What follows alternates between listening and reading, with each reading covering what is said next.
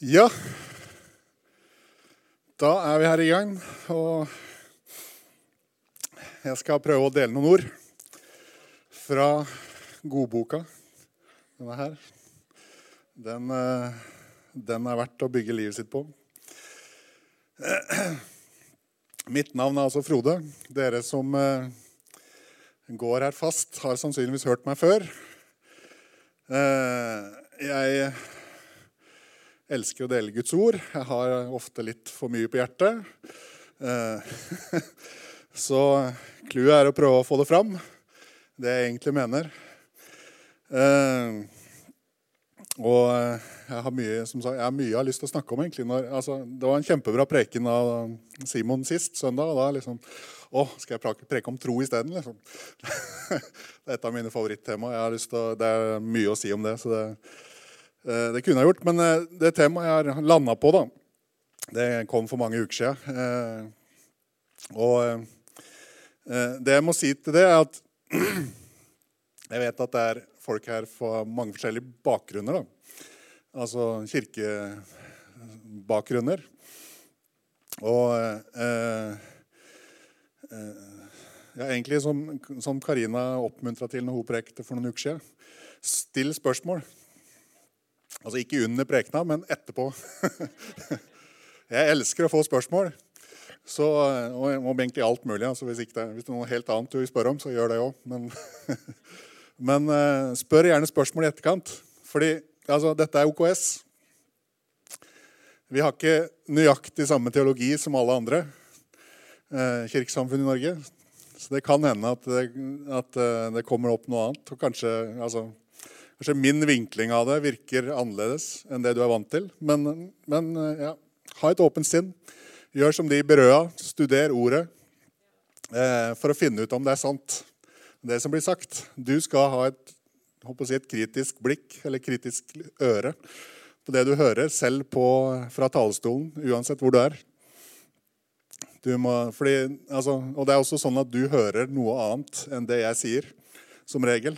For det kommer an på hva du har av ballast i ditt hjerte, i ditt liv, hva du har vokst opp med det gjør at, at, du tolker kanskje annerledes det som jeg sier, enn det jeg mener at det skal, at det skal være. Da. Yes. Det var en lang forklaring til å. Jeg starter klokka. Yes, Du kan ta opp overskriften. Den er spennende, bare den. Hate synd, elske synderen. Grunnen til at jeg ville ta og snakke om det, var at vi har en sang der vi synger akkurat det. Jeg hørte de øvde på den før, uh, før møtet i dag, så jeg antar at den kanskje kommer etterpå. Jeg er ikke helt sikker, men sats på det. uh, og det er et uttrykk som på en måte kanskje ikke alle er like komfortable med. Kanskje vi ikke forstår det helt. Kanskje det er vanskelig å etterleve det. Litt derfor jeg har lyst til å prate om det. Eh, hvis du måtte tar media, verden, eh, så vil de i hvert fall å si, ønske å misforstå det. Eh, det er, altså vi kristne vi oppfattes vel lett som at vi hater synderen, ikke synden. Og å si, vi velger hvilke synder vi vil elske eller hate. Eh, men eh, bare by the way, altså, Det er jo media. Altså, hvis de først bestemmer seg for at noen har gjort noe gærent, da er det synd på deg, da. Fordi det, det er jo ja. ja. Jeg skal ikke si så mye om det, men altså, politikere, den nye regjeringa kommer til å merke det. Hvis ikke de holder ord, hvis ikke de gjør det de sier, hvis ikke de lever perfekt i sine privatliv, alt det de gjør, så kommer de til å bli jaga som bare det av si, de rettferdige. Så ja. Men vi trenger å vite litt eh, det med hva er synd. Og vi, vi har kanskje fått, tradisjonelt fått mye oppmerksomhet når vi snakker om det. Eh, så jeg, kanskje mitt inntrykk er at vi ikke snakker like mye om det lenger. Vi er, litt, vi litt redd for å havne i media. Vi er litt redd for liksom å ha det fokuset. At eh, folk skal føle at vi kommer med pekefingeren. Men vi må vite hvordan vi skal forholde oss til det, og hvordan Gud forholder seg til synd. Og Jeg skal prøve å gi mer mening med det uttrykket her da, i, i løpet av prekena. Så får vi se åssen det går. Eh, vi skal begynne med å lese eh, fra Hebreerbrevet. Vi skal lese de første tre versene. Gud, han som i tidligere tider mange ganger og på mange måter talte til fedrene ved profetene, han har i disse siste dager talt til oss ved Sønnen, som han har innsatt som arving til alle ting. Ved ham har han også skapt hele verden. Han er stråleglansen av hans herlighet og det uttrykte bildet av hans vesen, og han holder alle ting oppe ved sin krafts ord. Det er en sinnssykt eh, kul setning, bare den er der. Da han ved seg selv hadde gjort renselse for våre synder, satte han seg ved majestetens høyre hånd i det høye.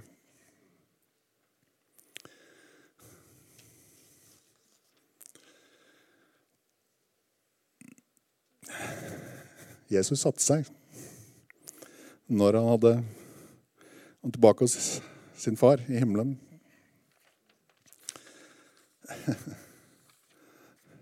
Jeg vet ikke om Gud, han, om Jesus sitter litt sånn Ja, nå skal vi se åssen det går med de. Nå er jeg ferdig. Eller om han sitter litt sånn mer litt frampå stolen og sier ja, se åssen det går, går med barna mine. Men uttrykket at han satte seg, det er på en måte Det kommer flere ganger igjen, det skal jeg se med de versene jeg tar opp. Men det er et bilde av at Jesus han var ferdig.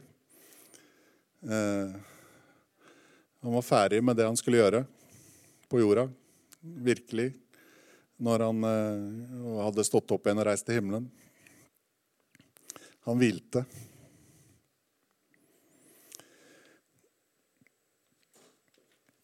Jeg tenker at eh, Jeg tenkte jeg skulle fortelle en liten historie om, fra mitt liv. Da. Jeg er jo vokst opp eh, i ei lita bygd i Telemark. Eh, egentlig mest luthersk sammenheng. Bedus. Var veldig mye på bedehuset da jeg var liten. Eh, Dro på alt mulig av kristen barnearbeid, søndagsskoler i forskjellige Jeg dro på, liksom på Det var to, tre, fire bedehus i bygda, selv om det var bare 1000 mennesker der. Og vi dro liksom annenhver søndag på hvert bedehus, for de hadde søndagsskole annenhver søndag. dro på Yngres, alt mulig. Vi dro på, etter hvert når jeg ble gammel nok, så, så dro vi på leir. Eh, og det var i regi av Misjonssambandet, eh, for de som kjenner de. Misjonssambandet de, de, er veldig på det med undervisning. Det var timelange bibeltimer. Eh, jeg husker ikke om det var et par ganger om dagen, men jeg tviler ikke på om det var det. Og da var det bare å sitte musstille og følge med. Og de banka inn i oss håper å si, Bibelen. Da. Og rett og galt. Eh, de var ikke redde for å snakke om synd. Det var for så vidt ingen på den tida der. Så jeg fikk et ganske klart oppfatning av hva som var rett og galt. Da. Og eh, etter hvert så, så eh, Jeg er veldig takknemlig for den bakgrunnen, by the way. Må bare si det. Eh, og etter hvert så havna jeg over i pinsebevegelsen. Jeg ble egentlig litt lurt over i pinsebevegelsen av min beste venn. Og eh, De hadde en litt annen type forkynnelse. De, de, de hadde veldig fokus på det at eh, din, din personlige avgjørelse At du, du, må ta en egen avgjørelse om det å ta imot Jesus eh, og bli frelst. Eh, men både i den sammenhengen og kanskje i andre jeg husker, Det var litt forskjellig sammenheng, ikke mange steder eh, opp igjennom. Så, men det var liksom, noen ganger så følte du at ikke du kunne gå ut av møtet uten å ha rekt opp hånda og blitt frelst på nytt. liksom. Det var, så, det var sånn eh, hva skal jeg si eh, Sånn forkynnelse at liksom du følte at du hadde så mye synd at du, må, du, må, du har synd uansett. Så du må jo, du må jo bli frelst for sikkerhets skyld. men eh, Ja, det er mye å si om det. Men eh, det, men det, det, jeg var egentlig usikker litt på frelsen helt til jeg ble døpt i Den hellige ånd. Da. Det, det har jeg snakka om tidligere her. Eh, at da, da, forsvant egentlig tvilen. Da jeg virkelig opplevde Gud, opplevde at Den hellige ånd han flytta, har flytta inn på innsida av meg. Bor, bor i meg. og, og ja. Jeg fikk eh, virkelig erfare Gud. da. Det var sånn i 18- og 19-årsalderen.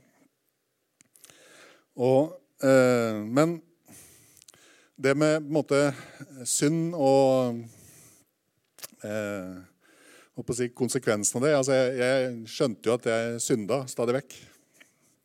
Det hadde jeg fått med meg.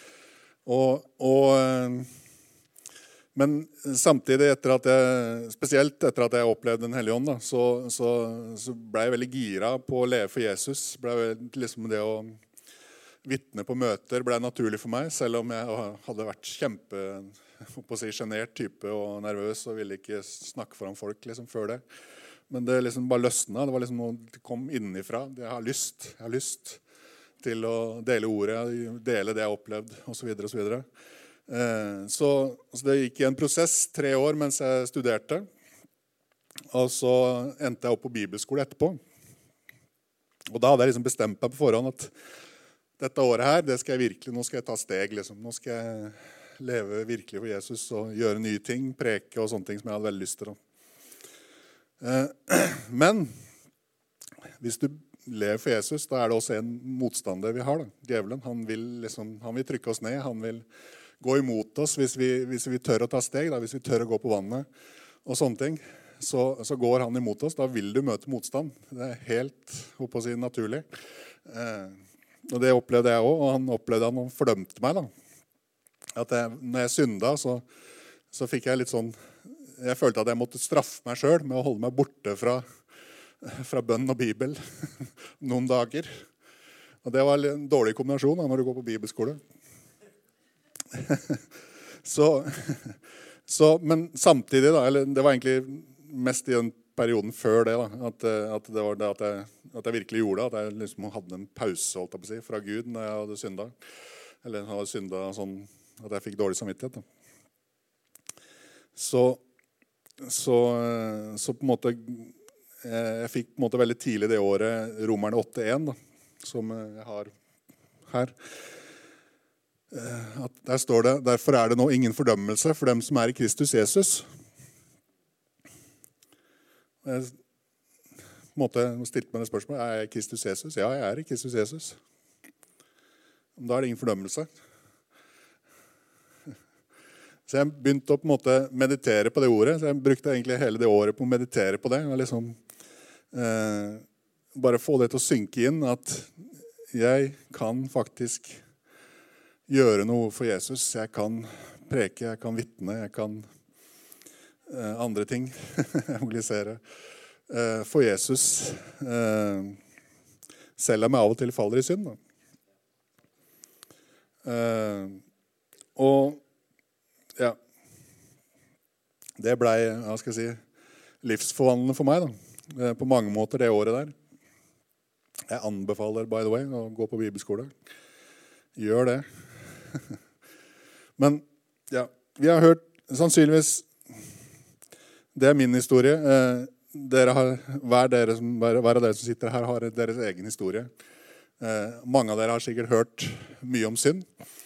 Eh, og eh, dere har kanskje hørt definisjoner av synd. Det, kan være å bomme på målet, eh, f.eks. Eh, dere har vokst opp med det med rett og galt. Det er kanskje det mest vanlige, at man liksom sier ja, synd det er det gale vi gjør. liksom. Men samfunnet i dag, hvordan behandler de det med, med synd? Nei, nå er jo alt Alt er jo, kan jo, trenger ikke være synd nå i det hele tatt. Det er på en måte det eneste som er synd i dagens samfunn, det er det som står i loven. Norske lov. Det er, liksom, det er derfor det blir stadig nye lover og strengere ditter det. Fordi folk pusher alltid grensene. Det som ikke står i loven, det er jo greit.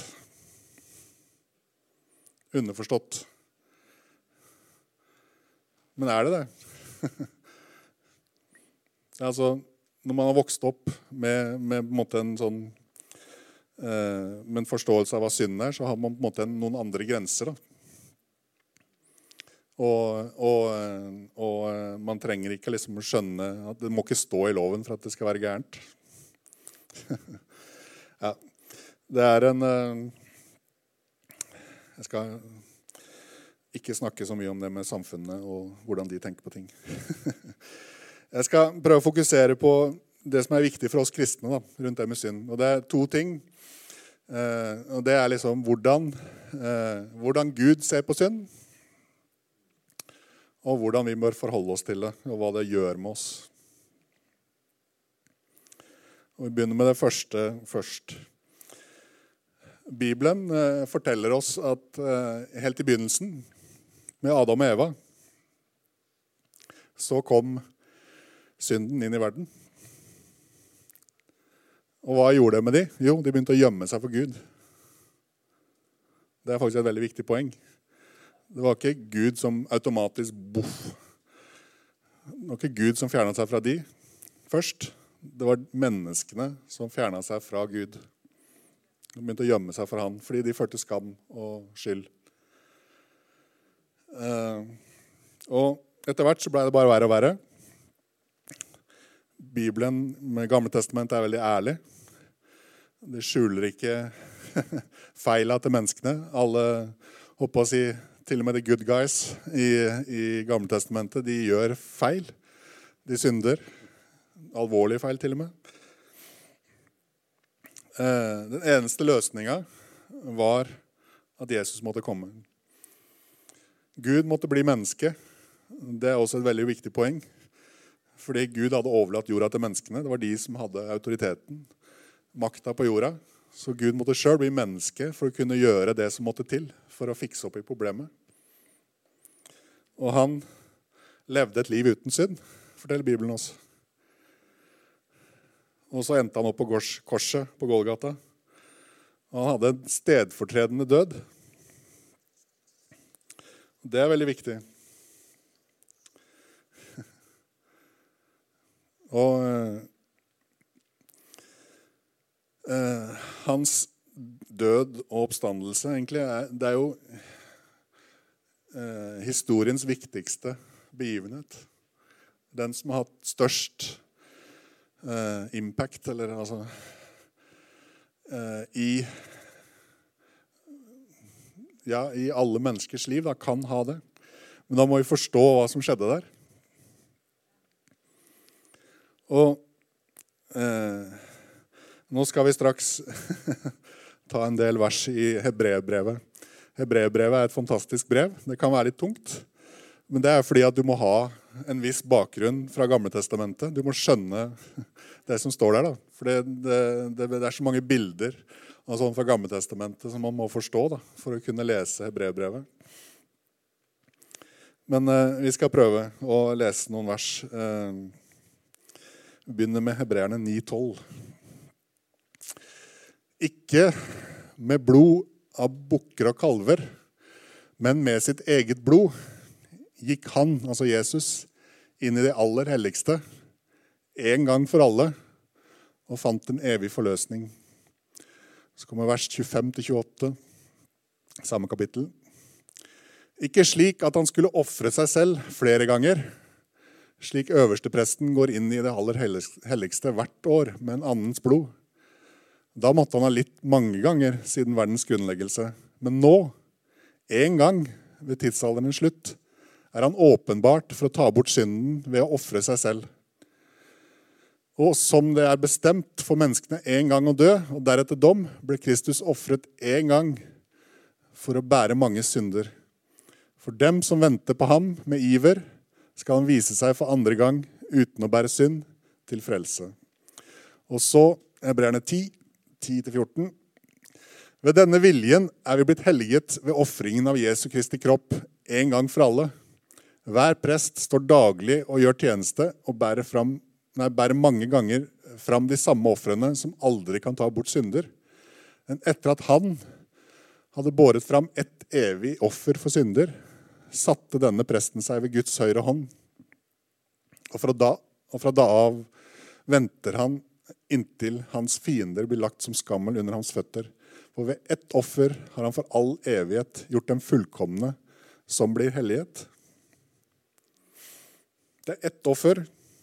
Har han for all evighet gjort deg fullkommen? Du som tror på Jesu navn, du som tror tatt, tatt imot han, som har eh, akseptert at det Jesus gjorde, det tror jeg på, og det gjelder for meg. Tatt imot den gaven som det er. Jesus han kommer ikke til å dø flere ganger for den synden du gjør framover. Han har dødd én gang. Det gjelder fortid, nåtid og fremtid. Da er det håndtert.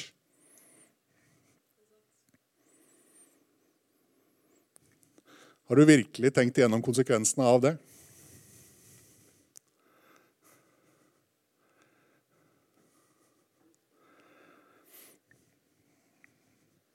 Jeg pleier ofte å si at prisen er betalt. Det er derfor det ikke er noen fordømmelse i Kristus. Gud han ser ikke din synd lenger. Han ser bare Jesus. Det er kanskje riktigere å si at det er ingenting som skiller oss fra fellesskap med Gud. Dette er egentlig veldig radikalt. Det er i hvert fall ikke det hva skal jeg si, media tror at vi forkynner. Men betyr det at Gud har et likegyldig forhold til synd? Nei.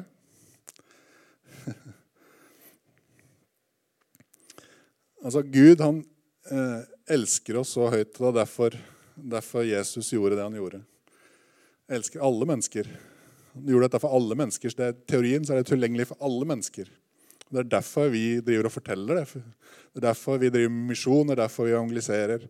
Altså, Vi driver med den kirka her. Vi ønsker at flere skal høre disse gode nyhetene. For Det er nesten ingenting som skiller mennesker fra Gud. Men, men synden har fortsatt makt i en verden her. Synden kan fortsatt ødelegge oss. Paulus han forkynte eh, dette her som jeg sa nå, veldig radikalt. Så han fikk stadig vekk et spørsmål. Så du tar opp Romerne 6, 15. Hva da? Skal vi synde siden vi ikke er under loven, men under nåden? På ingen måte. Altså, Paulus han ble, ble spurt om ja, men hvis Jesus har dødd for alle syndene våre fortid, nå til fremtid, da er det vel bare å synde i vei? Da har det jo ikke noen konsekvens. Han svarer på det spørsmålet tre ganger. I Romerne 3,8, Romerne 6, 1-2 og Romerne 6, 15 og 16. Han svarer her i vers 16. Vet dere ikke at når dere stiller dere fram som tjenere i lydighet mot noen, er dere trenere under den dere lyder, enten det er under synden som fører til død, eller det som er under lydigheten som fører til rettferdighet? Altså, hvis du fortsetter å synde, så blir du en tjener for synden. Da vil det ødelegge deg. Eller bli en tjener for hva skal jeg si, djevelen, egentlig. Det vil du ikke.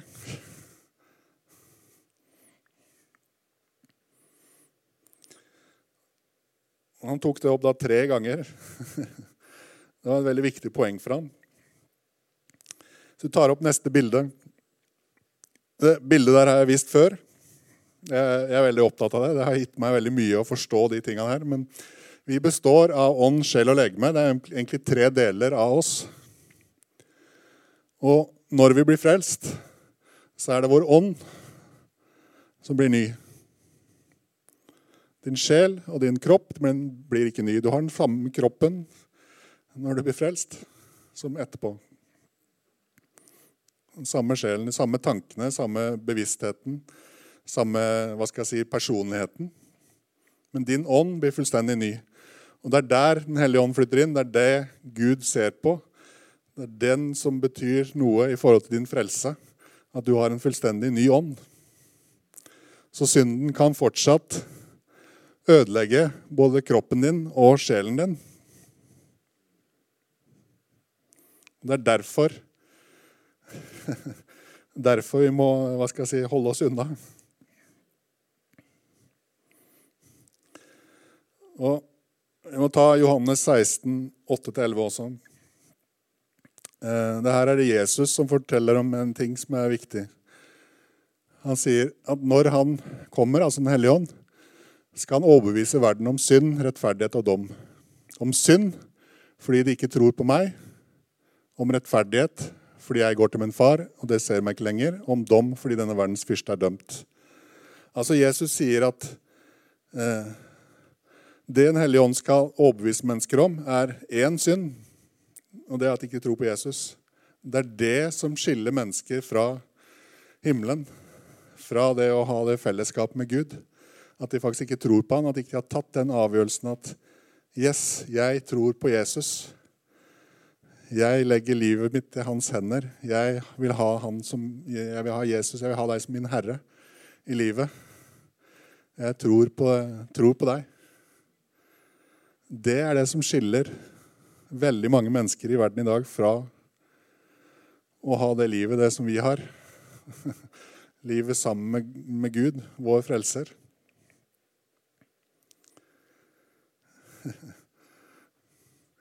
Jeg, jeg, er sikker på at det er mange som har spørsmål nå. og som sagt, Kom gjerne med de etterpå hvis jeg ikke svarer på dem. Men jeg skal svare på noen. eh, I Gammeltestamentet så ser vi at Gud han dømmer nasjoner pga. synd. Dømmer folkeslag. Gjør han det i dag? Nei. Det er mange kristne som mener det. Så det kommer opp stadig vekk. At nå, nå har vi synda så mye at nå dømmer Gud oss med dette jordskjelvet eller med denne flommen eller denne syklonen eller et eller annet sånt. Eller det terroristangrepet. Eller til og med korona. Korona er ikke Guds straffedom. Det er en konsekvens av synd, ja. På en eller annen måte så har det kommet så er det en konsekvens av synd at noen gjorde det. Fordi andre synder kan ødelegge ditt liv. Og mine synder kan ødelegge ditt liv. Men eh, ja, Gud han dømmer ikke mennesker på den måten lenger.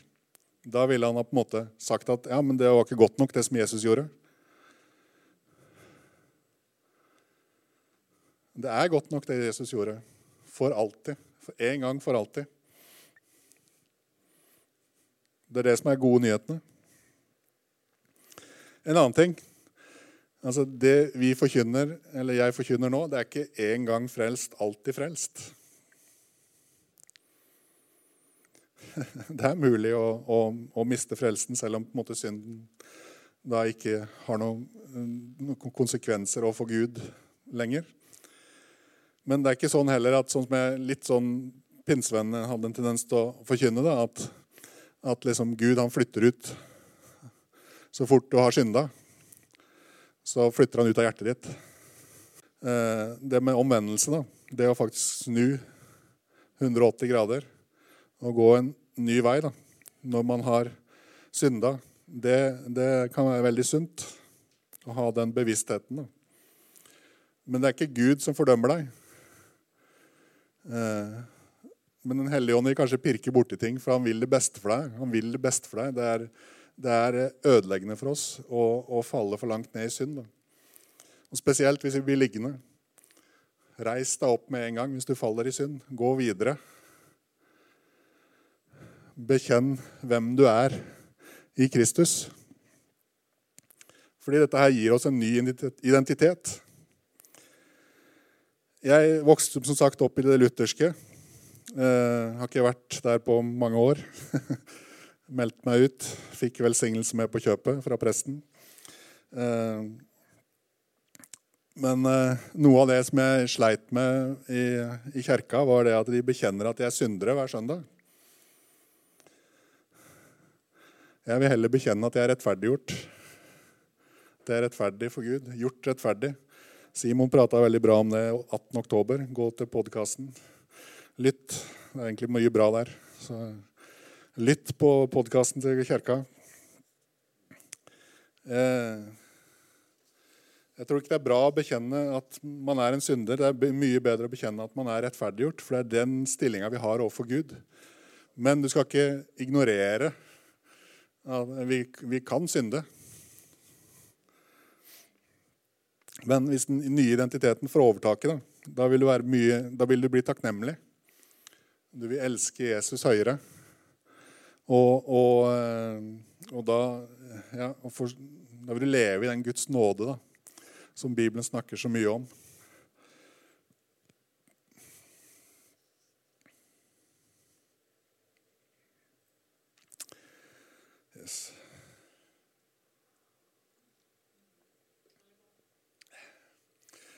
Ja, jeg begynner å nærme meg slutten. yes, eh, ja, Hvordan unngå synd, da? Det handler ikke om å ta seg sammen. Det er, liksom, det, det er veldig logisk å tenke sånn at ja, nå sier Frode at dette med synd er fælt, og ja, kanskje jeg må slutte med, kanskje jeg må slutte med den tingen. altså, det funker midlertidig. Det kan funke for noen men det funker stort sett alltid midlertidig. Bibelen sier at hvis du fokuserer på synd, så vil du bare synde mer.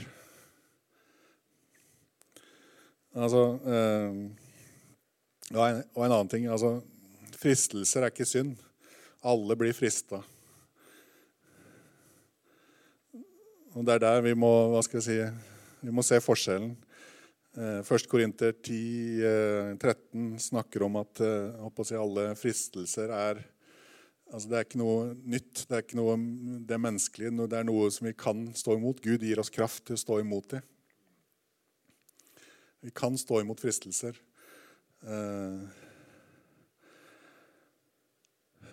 Men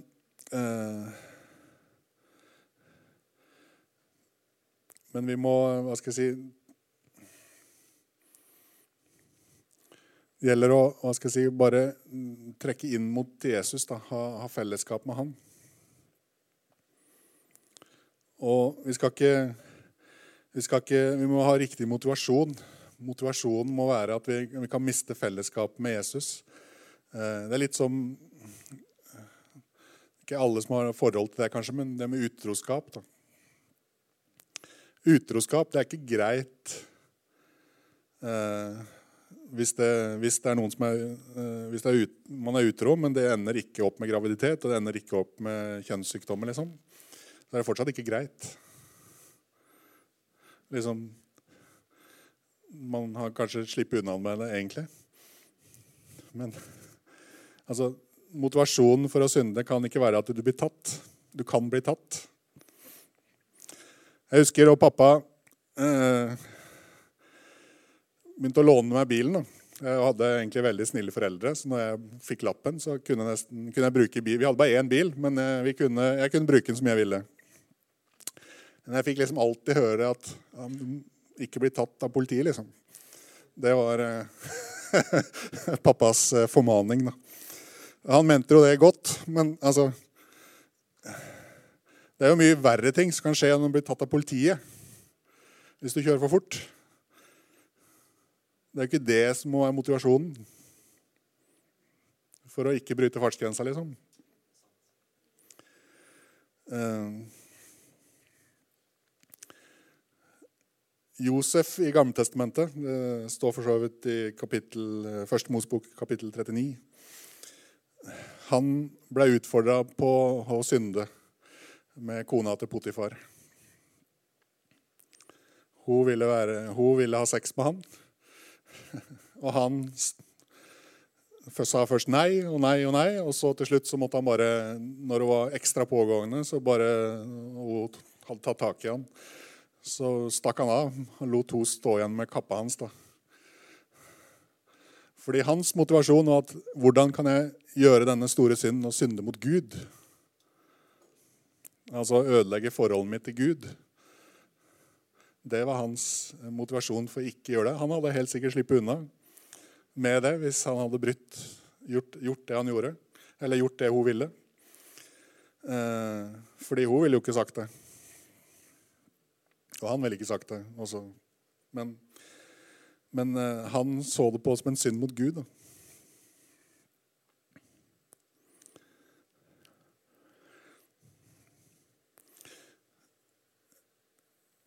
Jeg har et uh, vers, uh, Hebreerne 4,12. For Guds ord er levende og virksomt og skarpere enn noe tveegget sverd. Den trenger igjennom helt til det kløver både sjel og ånd og ledd og marg og er dommer over hjertets tanker og motiver. Tips til å hva skal jeg si, Uh, unngå synd er på en måte bare å, å, fylle seg med ordet, fylle seg med fellesskap med Jesus. Fordi da vil, det, da vil du merke hva som er gærent, hva, som, uh, måte, hva de tinga du må legge av deg, er. Da. Fordi ordet, ordet virker sånn på oss. da. Det, det tar tak i livet ditt.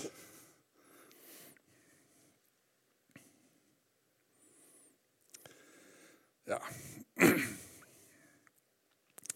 Jeg hadde et punkt som jeg hoppa over nå, men jeg må nevne det òg. Eh, altså, det er to, to, grøfter vi ikke må falle i måte, rundt det med synd. Det ene er at, eh, at ikke anerkjenner synd som synd. Det er egentlig, Da blir du stolt. Eh, det er stolthet. Det andre er at ikke ha, å ha et altfor stort fokus på synd som igjen fører til synd. Eh, og ha et fokus på deg sjøl som synder, da, fordi du er rettferdiggjort.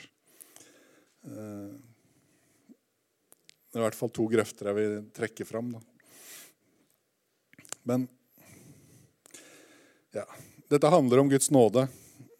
Det handler om at eh, vi har fått en så stor gave fra Gud da, at han holder ikke vår synd opp mot oss. Han har tatt seg av den. Og derfor eh, burde vi sjøl se på oss som rettferdiggjorte og, eh, og hva skal jeg si skjønne syndens eh, konsekvenser. Da. Og se konsekvensen både i vårt eget liv og andres liv. Da. Hvis du elsker noen, så vil du ikke at noe gærent skal skje med det. Har du et barn som er på vei til å, å løpe over veien når det, i en trafikkert vei, så vil du stoppe det med alle mulige midler. Selv om kanskje si, ja, du røsker tak i ungen og den begynner å grine. eller et eller annet sånt. Man må eh, se at synd skader mennesker. Da. Og vi må være tett, Det er de vi er tettest på, som vi kan på en måte formane, og de vi kan eh, si, vise, vise, dette med. Da.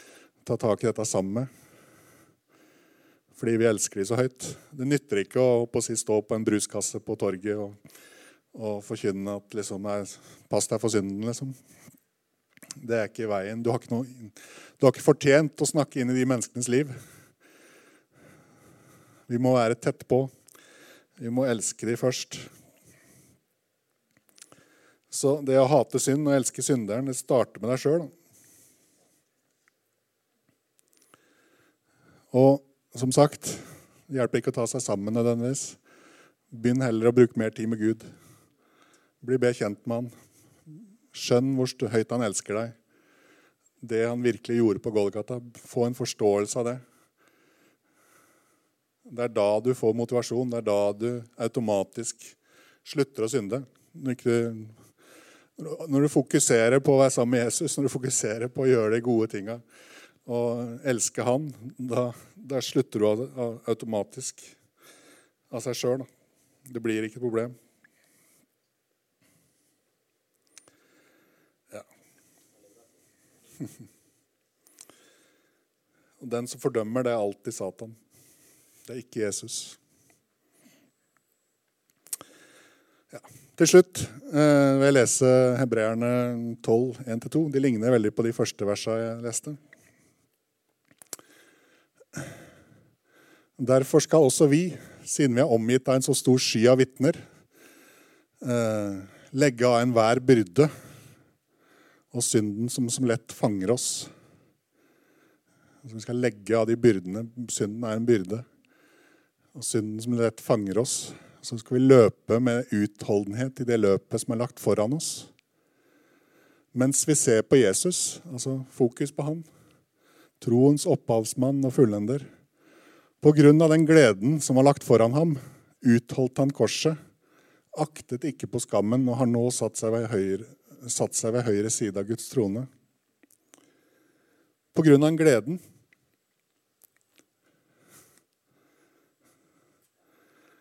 Jesus så fram til å ha fellesskap med oss. Det var en del av motivasjonen hans. Han så på det som en glede da, å gå gjennom det han gjorde. Den forferdelige torturen. Han ble knust på Golgata. Men han så på det som en glede for å kunne ha fellesskap med oss igjen. Da. Dere er kjøpt for en så høy pris. Da.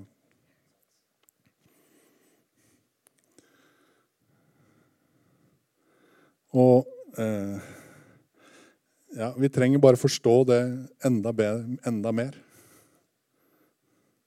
Hva som virkelig skjedde der. Hvordan eh, Gud gjorde, eller hva Jesus gikk gjennom for at vi skulle få ha det fellesskapet med ham. Og han har satt seg. Og du har to valg hvis du ikke har tatt imot Jesus, hvis ikke du har hva skal jeg si, bestemt deg for å følge han, for å, ha, for å ta imot han som herre i ditt liv. Så har du to valg. Du kan enten stole på at det han gjorde, var nok, og tro på han, ta imot han, bli frelst, som vi kaller det. Eller du kan prøve å gjøre, prøve å gjøre gode gjerninger og streve i egen kraft for å oppnå et eller annet. Gjøre deg sjøl rettferdig. For det er egentlig i praksis det alle andre driver med. Prøver å rettferdiggjøre seg sjøl.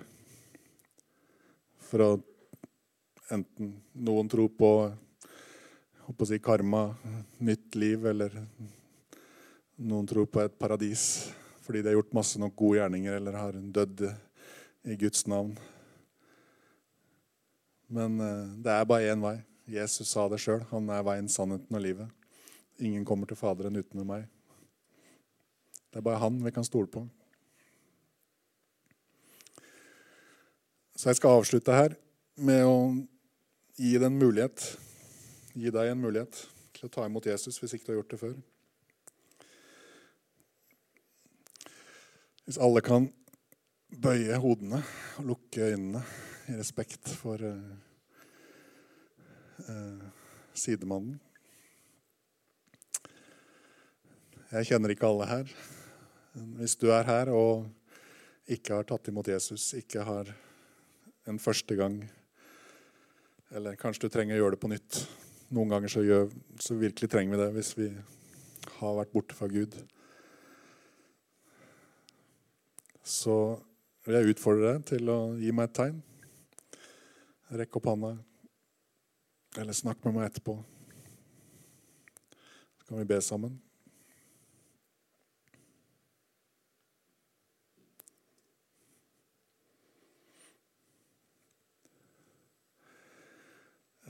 Jeg ser ikke Tror ikke jeg ser noen hender. Gud står uansett med åpne armer, uansett, eller alltid. Personlig så tok jeg mot Jesus bare hjemme i min egen seng. ba en bønn en kveld etter å ha vært på møte. Han er alltid, alltid der for å ta imot oss. Så yes. Jeg håper at dette var et budskap til oppmuntring. Det var det som jeg prøvde